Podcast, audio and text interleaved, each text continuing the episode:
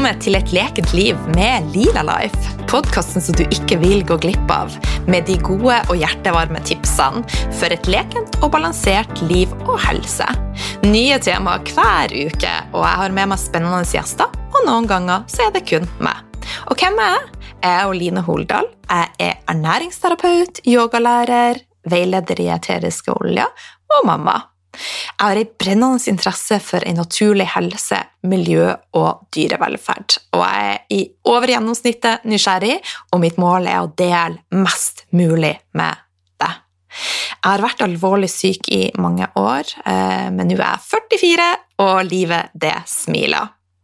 Mitt mål er å vise deg at det er mulig å gjøre en stor forskjell med små endringer.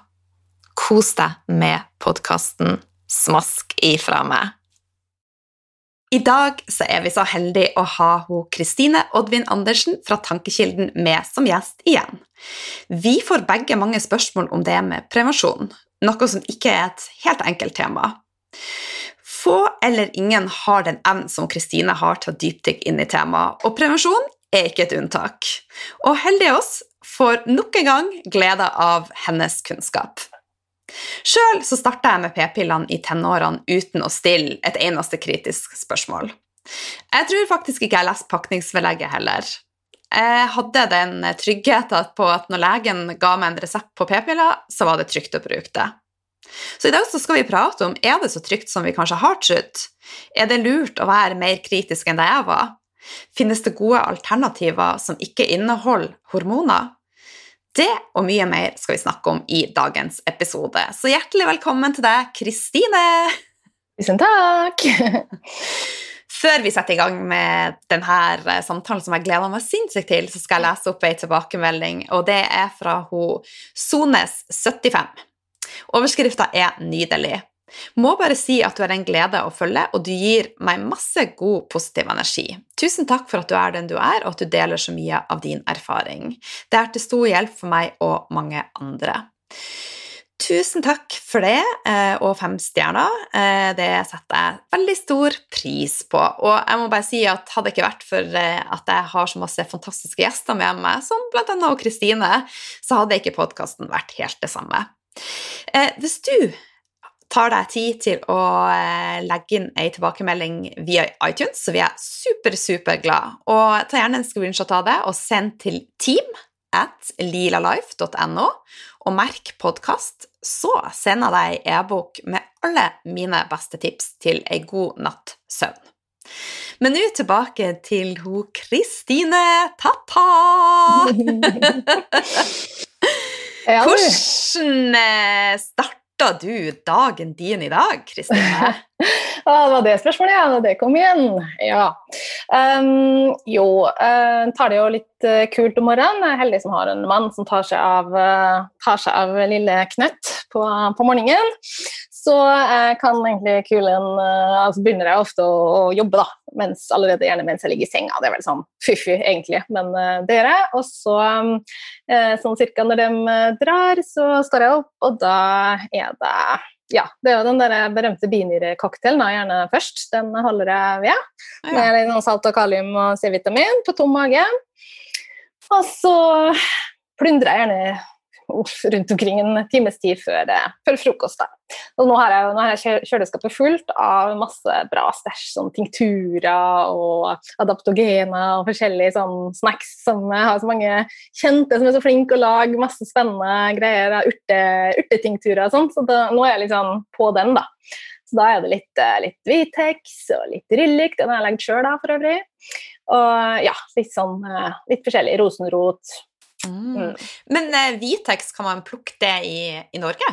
Nei, Vitexen er kjøpt på iHerb. Vitex er ikke eller altså, det, det, det, vet jeg for så vidt ikke. Det er godt mulig at det er jeg usikker på. Det heter jo Chesterberry også. Ja. Uh, men den, uh, den, har jeg kjøpt i mange år på utenlandske nettbutikker. rett og slett. Jeg har aldri gjort noe forsøk på å prøve å fremskaffe sjøl. Det har jeg ikke. Og det er jo litt avsporing, men hvordan inntar du det? Er det i kapsel eller te, eller? Ja, det er tinktur, så det tar jeg bare noen dråper under tunga, gjerne, fra den uh, dropperen, liksom, rett fra flaska. Hmm. Mm. Og for deg som ikke er kjent med Vitex, så er det jo kjempefin i forhold til det å balansere hormoner, blant annet. Veldig, veldig fin. Har hatt veldig god effekt av den, rett og slett, i forhold til syklus og sånn. En av de aller mest uh, brukte, tror jeg, eh, rundt omkring over lang tid og over hele verden.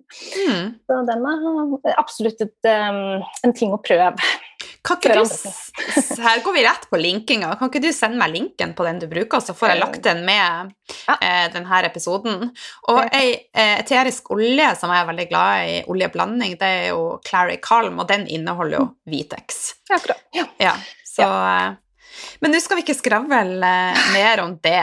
Eh, du har fortalt oss litt om hvordan du starta dagen din, men du har ikke fortalt hva du spiste til frokost. Nei.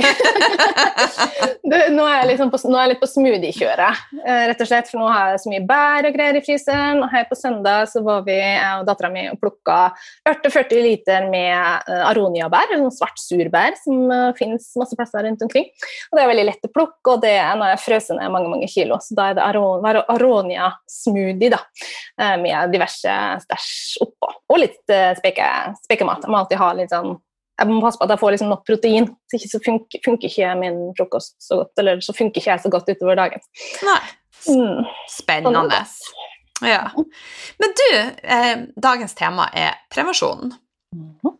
Eh, kanskje et litt sånn Det er jo et litt personlig spørsmål, da, men hvordan er de Prevensjonsreise, Kristine? Hva har du brukt, og hva bruker du? Den begynner å bli lang, den reisa der. Um, nei, kort, kort, kort, kort oppsummert. Det er kanskje ikke så det mest interessante for, for andre å høre om, men jeg skal, jeg skal ta en kjapp recap. Jeg um, fikk jo min første kjæreste da jeg var 16, uh, og da det liksom er litt sånn komisk på en måte med det, var at på det tidspunktet så føltes det veldig feil for meg med p-piller, selv om jeg hadde venninner sånn som begynte på det. Det var liksom min, min egen si, intuitive, min intuitive magefølelse og tanke var at det kan jo ikke være på en måte helt bra å ta noe som gjør at eggløsning stopper opp. Altså, Mm. rett og slett. Altså, hadde jo hatt mensen i to år, liksom, og det hadde jo langt ifra på en måte stabilisert seg på noen måte. Så liksom, du har hatt det i to år, og så skal du på en måte da bare skru den av. Mm. Så det gikk et år eh, før jeg da lot meg bukke under på en måte for å si, presse. Eh, og, og det presset var vel egentlig mer Det var ikke noen som sto og masa på meg og sa at det må du gjøre, liksom, men eh, mer det at eh, alle gjorde det. Og som Mm. du sier, eh, vi hørte veldig lite om mulige bivirkninger. Vi, vi, vi ble lite forklart hva det egentlig var det gjorde, Mm. eh, eller hva det gjør med kroppen. Eh, og tenkt sånn som du tenkte, at men når, all, så mange gjør det, eh, og det på en måte faktisk er noe som er i skulle si, salg eller omløp, så kan det jo umulig være så farlig. Det var min rasjonale som da gjorde at jeg også valgte å hoppe på den. Så jeg begynte jo på det da når jeg var 17 år rundt omkring, tenker jeg. Mm. Og da gikk jeg på det sammenhengende tror jeg, i rundt omkring ti år. Drøye, drøye ti år, vil jeg tro. Eh, og så var det her mens jeg etter flytta til Oslo i 2004, at jeg bodde sammen med ei som da fikk seg en kjæreste som var lege. Han hadde sagt til henne at du må heller bruke p-ring fremfor p-piller, for det inneholder mindre hormoner og, og på en måte påvirker mer lokalt. Da. Eh, så det skulle være mer skånsomt. Så tenkte jeg ok, det makes sense. Og da bytte jeg til p-ring og gikk på det en, en periode. Eh, men så tror jeg jeg slutta på det helt holdent for en, kanskje en 12-13 år siden.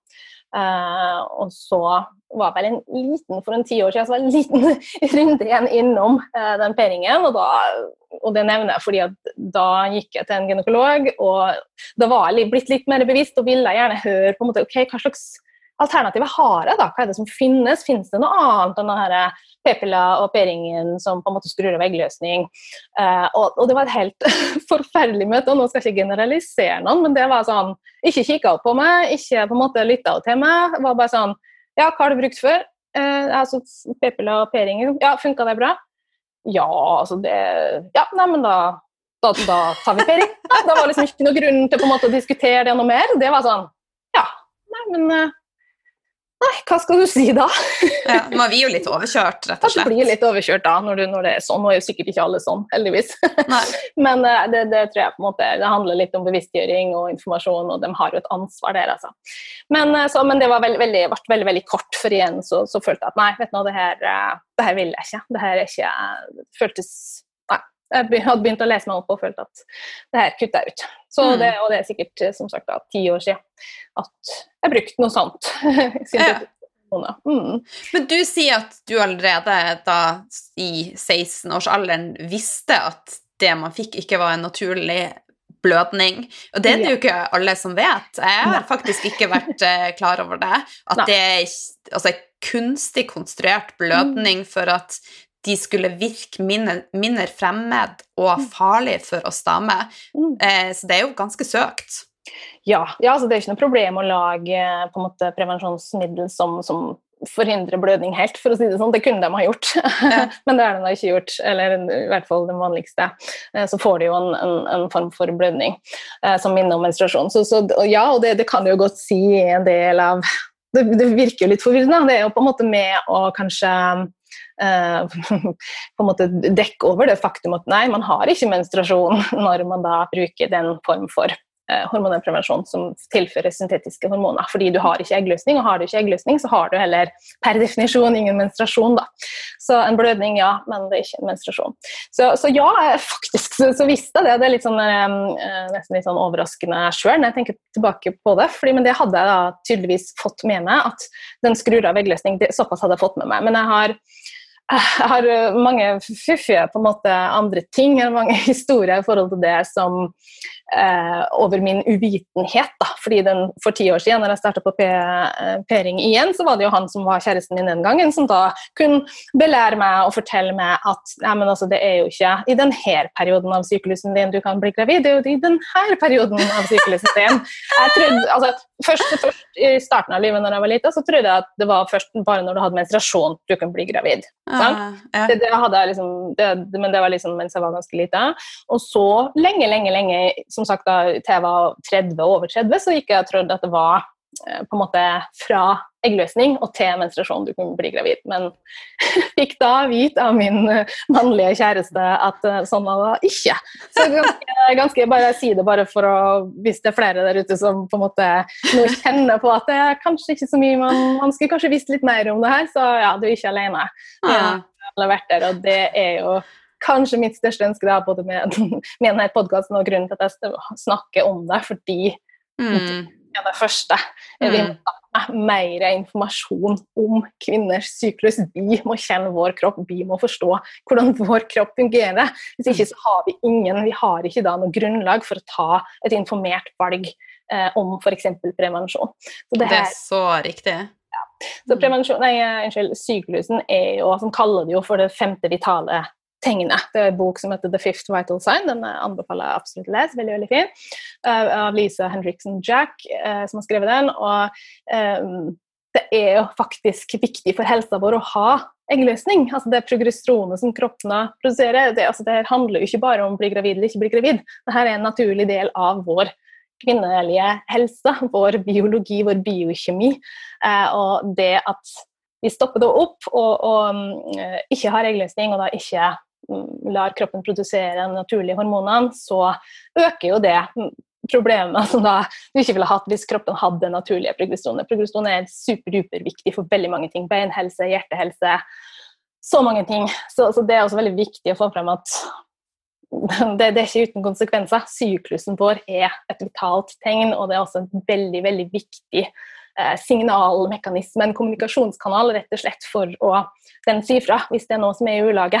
Sånn Mm. som puls, sånn som temperatur, sånn som eh, sant, de andre vitale eh, kroppstegnene, eller vitale tegnene som vi bruker, så er også syklusen det. Så, eh, Utrolig spennende. mm. Men tilbake da til eh, prevensjon. Er det noen grunn til å være kritisk til å bruke hormonell prevensjon? Vi har jo allerede vært litt inne på det, men kan ikke du ramse litt opp? Ja, uh, ja det, det har vel lagt opp til det nå, at det er absolutt grunn til å være kritisk. absolutt grunn til å være kritisk. Da må jeg jo si først som sist at jeg sier grunn til å være kritisk. Jeg sier ikke at du skal gå nå og kaste p-pillene dine i søpla. Eh, for det første skal ingen legemidler i søpla, det er veldig viktig, det skal leveres inn på apotek. Men uh, det er ikke, ikke, så enkelt som det. Altså, jeg mener ikke, jeg er ikke imot moderne prevensjonsmetoder. Jeg mener ikke at det er noe som, som vi skal på en måte fjerne. Det skulle tatt seg ut. Det hadde jo vært Det er jo ingen av oss. Det vi ønsker, er jo at alle kvinner skal få lov å ta et bevisst valg sjøl på bakgrunn av kunnskap. Ikke sant. Ja. Så, så, ja, det er grunnen til å være kritisk. Det er, som også, det har jeg kanskje nevnt, da, det viktigste. Det er jo det her med at de syntetiske hormonene som da eh, den prevensjonen tilfører, de ligner jo da på kroppens egne eh, hormoner. Nok til at de da tar eh, dem på en måte plassene i cellereseptorene og sånne ting. Nok til at de da signalisere til hjernen, eh, som, som, da, som, da, sender signal sant, til, eh, til kjertler i kroppen om å produsere de ulike hormonene osv. Så videre, sånn, sånn at det shuts down, for å si det sånn. Eh, så de, de, ligner, men de ligner jo da ikke nok, sånn at gestagen eller syntetisk progesteron, da, som ikke er progesteron, som, som er den syntetiske um, ekvivalenten, på en måte, og som ligner litt, men ikke ligner nok, den um, gjør jo da som sagt at uh, kroppens egen produksjon av um, progesteron legges lokk på, og vi får da, får da ikke den positive effekten som det har på kroppen. Eh, og så er det jo masse, altså, som du sier, Hvis du leser pakningsvedlegget, så finner du jo Eh, for det første finner du det som kanskje mange ville ha kalt for en rekke plager. Da. Alt fra tørrhet, manglende sexlyst, eh, eh, migrene, urenheter i huden. Sånne liksom diffuse mm. plager som på en måte kanskje man tenker at ja, ja, men det er sånn som man bare må regne med. Eh, det i seg sjøl er jo symptomer på nettopp at noe er i ubalanse i kroppen, mener jeg. da. Eh, og så har du jo mer det man kanskje ville kalle alvorlige bivirkninger som blodpropp, som jo er noe som skjer sjelden, og hvor det ofte skal være en del andre si, eh, kriterier, negative kriterier på plass for at den sjansen skal på en måte være høy, da, eh, mm. ofte. Men eh, det er jo, døden kan jo være på en måte potensielt da, det verste utfallet av det. Um, og ja, så det, det, det finnes alvorlige bivirkninger som er relativt sjelden, men det finnes også på en måte da masse plager som spørsmålet er skal vi liksom er det ok, på en måte? Mm. Uh, og hva gjør det også på, på sikt? Altså, sånn som det her med progesteron og beinhelse, f.eks. Osteoporose er jo et stort problem. Økende problem til og med her til lands, hvor vi drikker så mye melk og alt det. Så uh, skjer det og det her med østrogendominans, som ofte kan være resultat da, over tid, fordi østrogen og progesteron jo skal være i balanse, en sånn yin og yang på en måte, hos oss kvinner. Eh, og østrogendominans det kan du jo på en måte google sjøl og se hva det kan føre med seg. Det er jo ganske mye kreft. Det er jo også noe som er kobla inn der, så økt sjanse for, for kreft da, pga. Um, østrogendominansen, eller at østrogenet får for mye plass, rett og slett. Mm. Ja. Du har ikke det progesteronet for å veie opp. Sant? Så det, det, østrogenet øker celleveksten, og progesteronet får liksom ikke regulert det på en god måte. Vil jeg bare si at Hvis du som hører på vil høre mer om det, så har vi jo hatt med Nina, eller jeg har hatt med Nina Wilhelmsen, mm. og der vi tar opp det med østrogendominans. Mm. Uh, ja, så det er kjempeviktig. Veldig ja. viktig. Mm. Det ser vi ofte hos kvinner i dag. Og sant, det her med stoffskifteproblematikk også.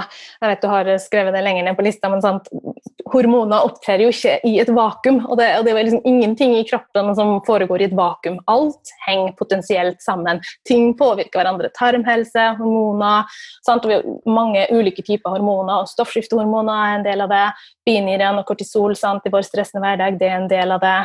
Og de her kjønnshormonene, testosteron også, er jo superviktig. Det er kanskje når man tenker på sånne mannlige det er det mannlige kjønnshormonet, men vi kvinner skal også ha en viss mengde testosteron. Det er superviktig, sånn at, eh, og det også påvirkes jo negativt her. Mm. Så, ja.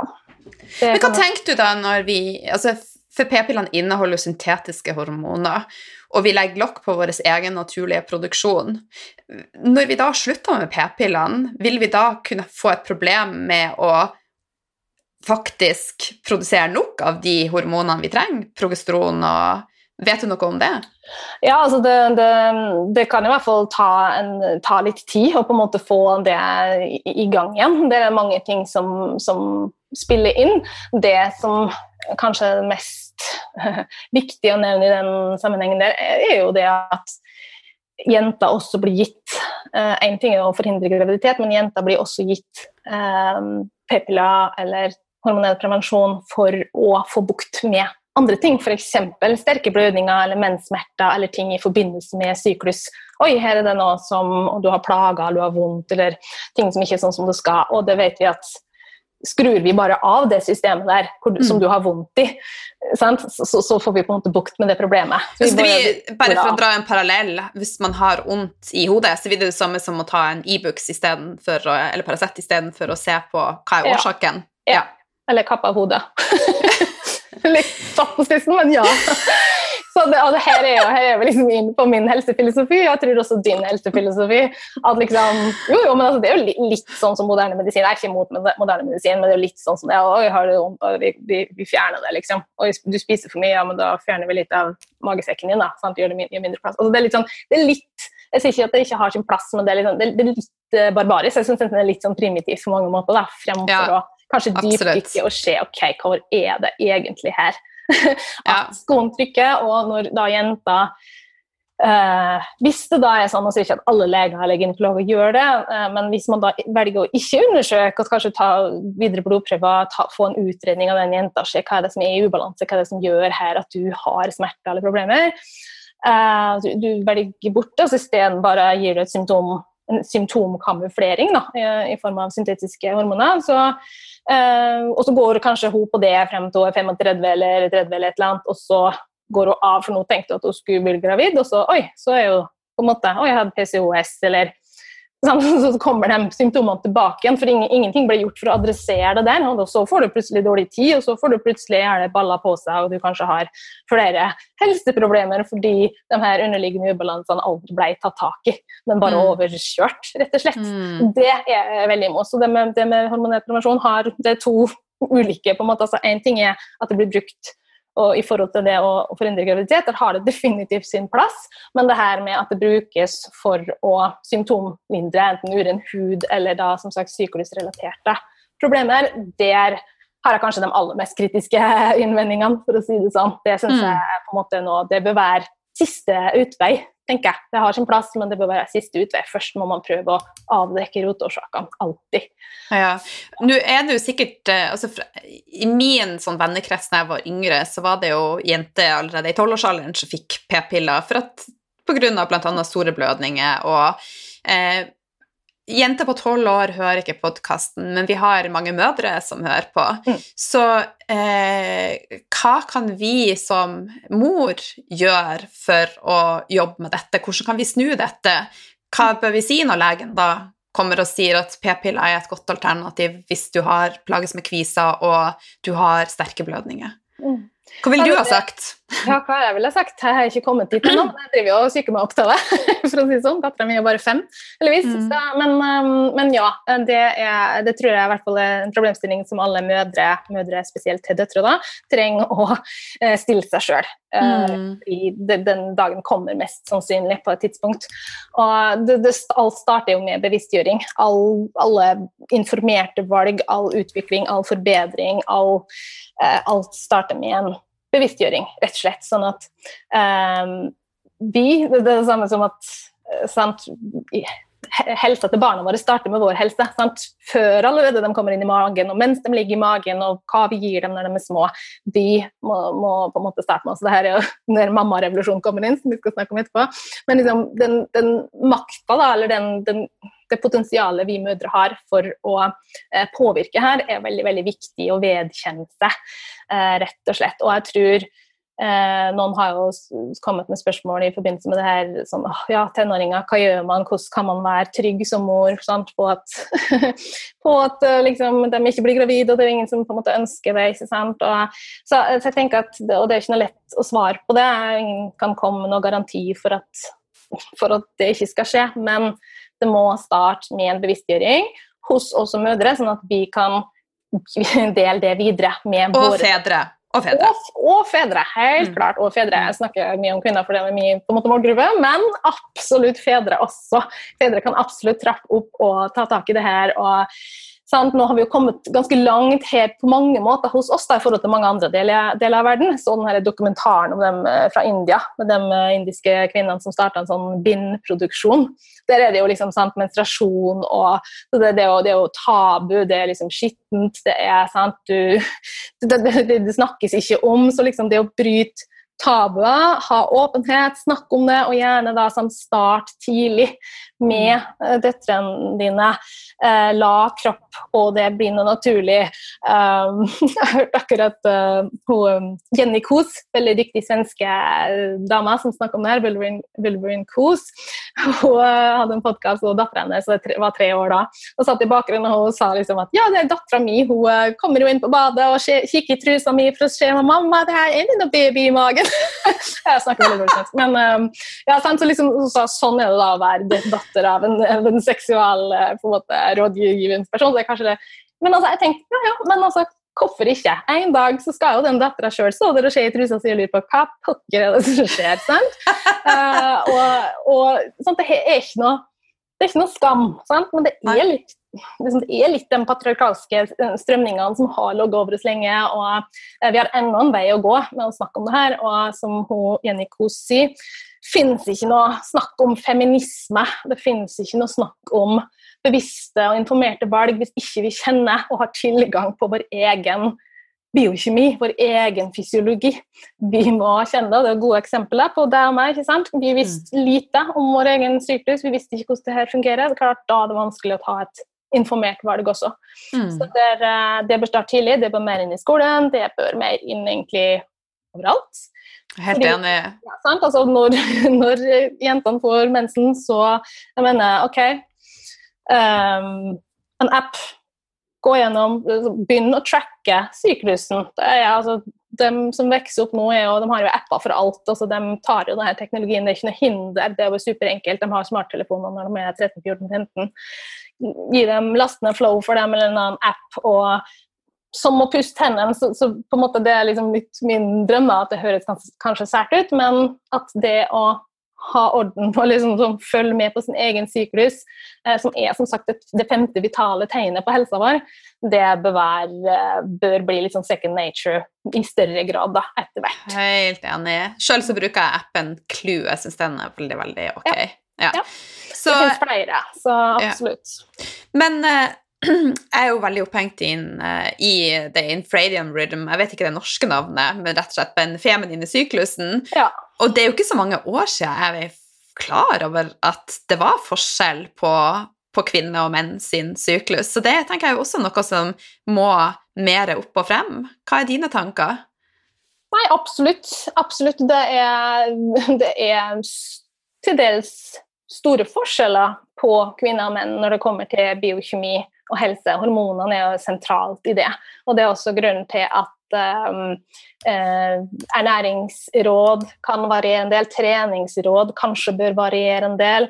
Mm. Um, så en har trening i stress for kroppen, produserer kortisol, kan interfere, som det heter på norsk, uh, med uh, kjønnshormoner. Vi vet jo at toppidrettsutøvere sånn kan miste menstruasjon, sant? fordi det her det er ikke Jeg tror på en måte fare for å virke litt sånn gammeldags. Men uh, kvinner er Vi har en annen biokjemi. Vi, biokjemi. Vi er skapt i større grad for å skulle si passe hjemme eller hula og ta vare på barn. Vi skal ha mer fett på kroppen for nettopp hormonene. Vi eh, sant, skal amme. Og, eh, mens menn er ute og sant, testosteron og fange bytte og skaffe mat og, og den biten der. Eh, så, så, ja, jeg tror vi har jeg er veldig for likestilling. da, Veldig for likeverd, i alle fall. Eh, og, men jeg tror nok kanskje på noen punkter at denne likestillingskampen har tatt litt for langt av på noen ting, så plutselig så skal vi kvinner skal klare å gjøre akkurat alt det samme som menn, sant? og mm. mer til. I tillegg til at vi skal føde barn og liksom hele den som på en måte er vår naturlige ting. da. Eh, og, og, for kvinnekamp og for det der, det, men jeg tror vi kanskje trenger å stoppe opp litt og se. Vi ser det jo som sagt med trening, vi ser det med kosthold, det her med faste f.eks. som du har snakka en del om. Det er ikke nødvendigvis sånn at det funker for han Hansen borti veien her, funker like godt for deg som kvinne. mm. det kan påvirke negativt. Mm. Så, men vi er alle forskjellige også, det er mange ting som spiller inn, ikke bare kjønn. da. Nei, vi må rett og slett bare bli flinkere å lytte og lære oss å kjenne vår egen kropp. Helt så... klart. Det er vel egentlig det det bunner ut i. ja. Og mm. for min del så har det det vært en game changer å, å leve mer etter, etter syklus og, og, mm. lytte til egen kropp. Så det og, Veldig også, spennende. ja, og også ikke minst det å være litt mer avslappa til eh, egen kropp og og faktisk ønske litt fett velkommen på kroppen. Jeg har jo ønska fett velkommen inn i kostholdet, men det å ha fett på kroppen har vært for meg veldig skremmende. Men mm. nå er jeg blitt litt mer fortrolig med det også. ja. ja, så fint. Ja, men altså, hvis man altså, lærdom og på en måte kunnskap, og hvis man skjønner på en måte hva hensikten er, og, så, så, så, er det litt lettere også på en måte å godta eh, de tingene der. da, Man på en måte skjønner at man også er en kvinne. og mm. Også viktig da, i forhold til det her med prevensjon. Eh, som Jenny Syklus eh, Nei, Jenny Syklus Jenny um, Kos sier eh, om syklus at liksom eh, jeg er ikke en maskin jag är en kvinna. Sant? det, det, är inte, det är inte oss det är något fel på. Det är inte vi som ska, ska fixas, liksom. det är systemet. det är liksom, Så kult, det. Eh, Skal vi bare gjenta det? Vi er ikke maskiner, vi er nei, kvinner. Det er ikke ja. oss det er noe feil med. jeg syns hun har veldig Jeg vil absolutt Bulverine Coos vil absolutt, hvis det er trigger noe i deg, du syns det er interessant, så vil jeg anbefale å følge henne eh, på Instagram. Og, og hun har også veldig mye bra med det her på bloggen sin på bulverine.se. Hva du sa den heter? Bulverine.se. Jeg kan sikkert sende deg linkene, så du kan legge det under her. Ja, Det kommer i et uh, blogginnlegg. Ja, mm. og jeg, jeg, har også skrevet et blogginnlegg om det her på tankekilden.no eh, med link til en god del uh, podkastepisoder som jeg syns er um, veldig relevant her, som oppsummerer veldig mye. Flere av dem er med hun Jenny Kos. Du har også Siri Kalla, norsk dame også, som driver med det her med fertility awareness, da, som vi for så vidt ikke har snakka med. Da. Vi skal kanskje snakke bitte litt om det òg, eller? Absolutt. Bare fyr løs. Ja. du følger med tida, så det er greit. Uh, ja, nei, uh, Jenny Kos er jo da en sånn uh, ja, Jeg husker ikke hva det heter på engelsk. Fertility Awareness Health Practitioner eller et eller annet. Det har en sånn forkortelse. Og hun og også Dola, så vidt jeg vet. Og hun driver jo da med informasjonsarbeid om nettopp det her. Å lære kvinner om egen syklus um, og informere om um, ulempene med moderne hormonell prevensjon, og også da lære bort fertility awareness-metoder som et alternativ til hormonell prevensjon. For det finnes jo da alternativ. Eh, men den store forskjellen er jo kanskje det at altså P-pillene er jo på en måte en quick fix. Sant? Det er masse mm. medikamentelle quick fixes innen medisin, som vi har snakka mye om, Line. Uh, og p-piller er jo på en måte en av dem. Du skal bare ta en pille, og så skrus på en måte ting av, og så, så lenge du husker å ta den pillen, så skal du liksom være ganske så mm. trygg, da.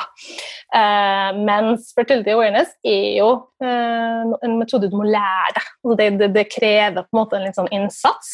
Det krever bevissthet, det krever litt fokus fra deg sjøl. Lære deg å skjønne, skjønne, din egen kropp, lære deg å forstå din egen syklus, tracke litt. Uh, så justismetoden er den metoden som Jenny Kos bl.a. Um, lærer opp i, og som hun er, hun er trent i. Uh, og Det er jo en så, såkalt symptotermal eh, metode, hvor du, eh, som, som, skiller seg mye. Det er veldig viktig, for mange tenker at det er bare sånn sånn Lady Comp, sånn som måler temperatur, og så estimerer ved hjelp av en algoritme når eggløsning kommer. Mm. Det er ikke, ikke, det samme. Det er veldig viktig, fordi um, um, Syklusen varierer jo. Det er en veldig sånn myte at en normal syklus skal være 28 dager. så Det er veldig få kvinner egentlig som alltid har en 28 eh, dagers syklus. og Det handler jo også om at syklusen er et vitalt tegn. så syklusen lengde osv. påvirkes jo av stress, av kosthold, av det som skjer i livet vårt, rett og slett. Mm. Så, så, det er derfor også det er en sånn fin signal en kommunikasjonsmetode for å avdekke hvis noe er i ubalanse. Så det, så, det, påvirkes. Så den er ikke alltid like mange dager. sånn at eggløsning eh, faller ikke nødvendigvis på samme dag i hver. Sånn at med en sånn som kun tracker temperatur og gjør en utregning når du sannsynligvis vil få eggløsning, er ikke like trygg som den symptotermale, som også skjer på symptomer. Og Da handler det jo om og, og, bli kjent med det sekretet, rett og slett, eh, som da kommer ut av oss kvinner.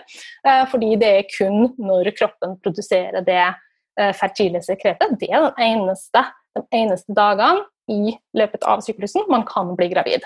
Her er det også sånn veldig mye uvitenhet ute og går, og jeg har sjøl vært der og mm. trodde liksom, å, det er alltid liksom en mulighet for å bli gravid, og liksom, man føler seg aldri trygg på en måte med ubeskytta sex osv. Men egget overlever i 24 timer.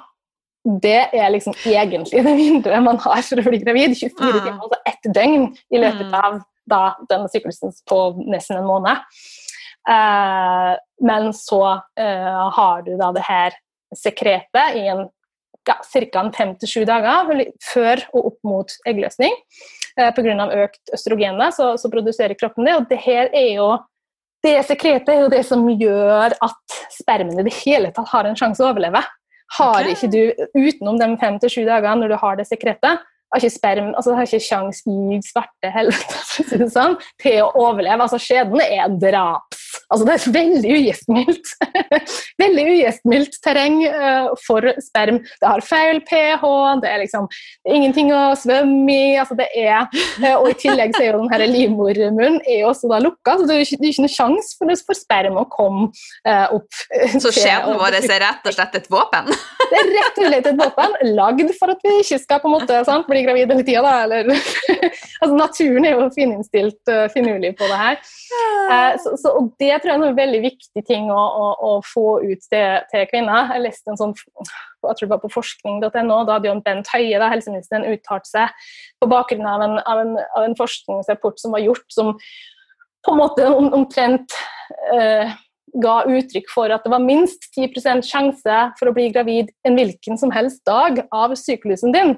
Men det er jo på en måte basert på at hvis du ikke tracker og ikke har noe som helst oversikt, så potensielt ja, men det er jo fysiologisk umulig. Fordi mm. egget lever bare i 24 timer, og det sekretet er der bare i 5-7 dager, og sperm overlever bare i kanskje fire dager, da. Mm. Eh, men kun i det, i det sekretet der. Så, så symptotermal metode eh, handler om å bli kjent med det der sekretet, og eh, tracke det når det eh, på en måte er der, eller det ikke er der. Tørre dager og ikke tørre dager, for å si det sånn. Um, det er den mest trygge. Og når, og, og når, den, når man følger på en måte den um, justis- eller den symptotermale metoden der, så har det en, en, um, en uh, sikkerhet på 99,6 Sånn at mm. eh, hvis du sammenligner med det med eh, p-piller og en annen hormonell prevensjon, så er det faktisk ganske bra. Eh, yes. og, og p-piller sånn som de vanligvis bruker også, med en del feil, eh, brukerfeil, for å si det sånn, har heller ikke mer enn kanskje 92 eh, trygghet. Sånn at um, brukt riktig, med litt innsats, med litt bevisstgjøring, så er det en veldig, veldig um, trygg metode. Ja. Men det er liksom, kanskje ikke for alle, og det sier jo også Jenny Kos at liksom, det her er ikke noe som skal trekkes ned over hodet på alle. Det er mange individuelle hensyn å ta. Eh, og valg av prevensjon er alltid individuelt og alltid en personlig, en personlig beslutning som på en måte man må ta. Mm. Men som sagt, jo mer bevisst, jo større sjansen for å ta et godt valg, da. Altså, denne metoden tenker jeg kanskje er noe som passer for de som er kommet litt ut i denne reisa og er opptatt av å track og Men før det, mm. finnes det noen alternativer som er er enklere, f.eks. For, for en 16-åring som ikke ønsker å gjøre dette, og ikke er moden for det, og har du noen ja, nei, det, det, er jo på en måte det, det, der det på en måte kanskje det vanskeligste feltet er. da, ikke sant? Mm. Altså, herregud, når jeg selv var 16 år, jeg var jo på en ganske annen plass i livet. Jeg er tross alt 42 nå og er på en helt helt annen plass i forhold til hva jeg vet om kropp og helse osv. Så, videre, så eh, helt klart. Eh, det er jo ulike prevensjonsmetoder innen hormonert prevensjon også. Eh, de aller, aller fleste skrur av eggløsning. Eh, noen har kanskje mer eller mindre hormoner, noen sies å være mer skånsom. Dette ligger jo på Norsk helseinformatikk, man kan lese om de forskjellige typene. Eh, spiral er jo ganske vanlig. Um, du har jo kobberspiral, det, det, er jo ikke så vanlig noe mer, men det er fortsatt i bruk. og det, Den hemmer jo ikke eggløsning, men tilfører jo da kobber som gjør at egget på en måte ikke fester seg skikkelig. sånn at, men tilførsel av kobber er jo heller ikke uten uten måte konsekvenser i kroppen. Da. Det kan jo forstyrre mineralbalansen. Og hormonspiral, virker det også litt mer lokalt enn p-piller? Ja, altså, de sier jo på en måte at det virker mer lokalt, men samtidig, sånn som Jenny Kos f.eks. sier, altså liksom hva betyr egentlig det? Altså det, ja. det, går jo altså, Hormonene går jo ut i, liksom i, i, I systemet. I systemet ja. uh, så det er liksom delte meninger om man, hvordan man definerer det. da. Mm. Det er det jo. Men som sagt, altså, ja, in, hvis, på, på, et visst tidspunkt av livet så, så, finnes det vel kanskje ikke så veldig mange eh, skånsomme metoder, egentlig. Eh, men så tenker jeg også at, um, som du sier, at har man kommet et litt større stykke på en måte ut, er litt mer moden, kanskje man er i fast forhold, så man har en partner også sant, som er med på det her, som støtter osv. Um, for det er jo veldig mange kvinner som bare fortsetter å gå på hormonell prevensjon fordi de alltid har gjort det, og fordi de da ikke kanskje vet så mye uh, om det her, og ikke vet at det finnes andre trygge metoder som absolutt kan la seg gjøre på det stadiumet av livet. da. Uh, så liksom Hadde man på en måte kutta ned den perioden litt, så hadde jo også mye vært gjort. for å si Det sånn. Altså, det er forskjell på å gå på vil jo si det, at det er forskjell å gå på p-piller i to år enn i 20 år, liksom. Mm. Så, um, ja. Så. Men, men kondom igjen, er jo et alternativ? Absolutt, ja. ja. Og det, det, det, det, ser ikke ut til å gå av på en måte moten, eller det fjernes ikke fra markedet med det første. Det gir en god, en god trygghet. Men igjen så er det liksom både kondom og pessar er jo liksom noe som blir sett på som litt sånn ja, det er mer hassle. ikke sant? Det er ikke så mm. quick fix som den der usynlige pillen som du bare svelger, og så tenker du ikke noe mer på det. Mm. Eh, så, men absolutt, det er litt trygge, trygge måter. Mm. Uh, veldig fysiologisk sånn konkret. Eh, så det, det, påvirker ikke biokjemien din. det påvirker ikke hele systemet. Det, og det er jo også noe som man eh, uansett kanskje også vil bruke i tillegg til en f.eks. justis, eller hvis man følger en sånn uh, fertility awareness-periode. da. For det kan jo hende at man ønsker å ha sex sjøl uh, i den, den, fertile perioden. Kanskje spesielt i den fertile perioden. Kroppen er jo morsomt skrudd sammen sånn at eh, når, når, du er som mest fertil, så har du kanskje også mest eh, lyst.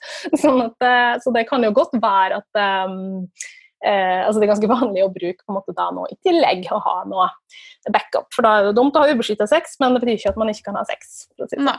Nei. Du, Vi har snakka litt om eh, bivirkningene med å bruke eh, tilskudd av prevensjoner med hormoner. da. Eh, det er også kommet eh, nylig noe forskning rundt eh, dette og hvordan det påvirker vår egen produksjon av serotonin. Vil du fortelle litt om det? Ja, det glemte vi å nevne i sted, så det var bra du sa.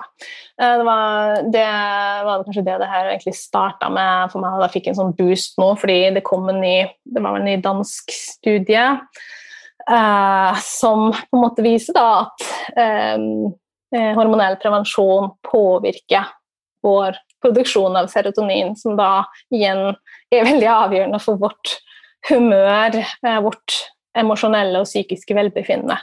Eh, og man ser jo også da at eh, kvinner som bruker hormonell prevensjon, har en veldig mye større sjanse for å også få en depresjonsdiagnose eller få utskrevet da antidepressiva.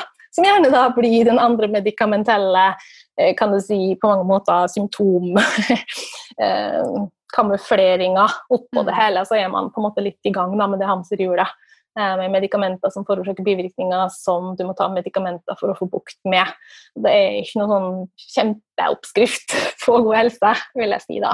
Eh, antidepressiva har absolutt også sin plass, men her også mener jeg jo at det syndes mye i forhold til å ikke se nok på biokjemi og årsaker. Det handler jo mye om tarm, neurotransmitterproduksjon, serotonin, testosteron er også viktig i forhold til det med depresjon eller humør og den biten der.